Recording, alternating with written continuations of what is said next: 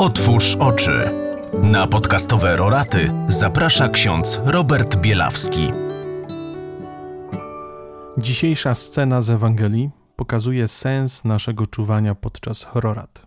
Przychodzisz do Jezusa i prosisz, by mieć otwarte oczy, byś patrzył na świat Jego oczami. Ci niewidomi chcieli zobaczyć, żyli do tej pory w ciemności. Każdy moment Twojego życia, kiedy wybierasz grzech, a nie Jezusa, to moment Twojej ślepoty, totalnej ciemności, w której trudno cokolwiek dostrzec. Kiedy przestajesz widzieć, bo popadasz zło, to nie czekaj, tylko biegnij za Jezusem i wołaj do Niego: Ulituj się nade mną.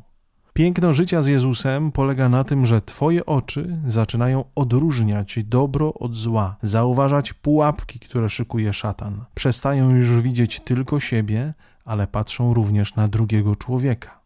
W Ewangelii pojawia się gest dotyku oczu przez Jezusa.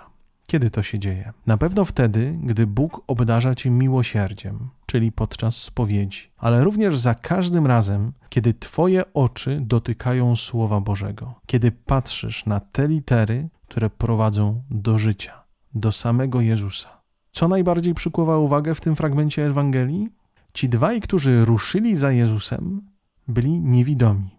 Przecież nie widzieli Jezusa. Zatem nie szli za nim patrząc, gdzie idzie, ale słuchając. Kiedy jesteś w ciemności, Słowo Boga będzie zawsze prowadziło cię do wyzwolenia, do momentu, kiedy będziesz tak blisko Niego, by zawierzyć Mu wszystko, całe swoje życie i by przejrzeć. Wyzwanie.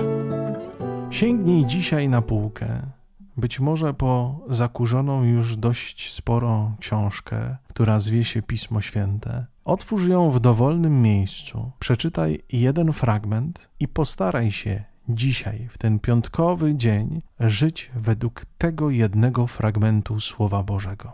Powodzenia i do usłyszenia jutro.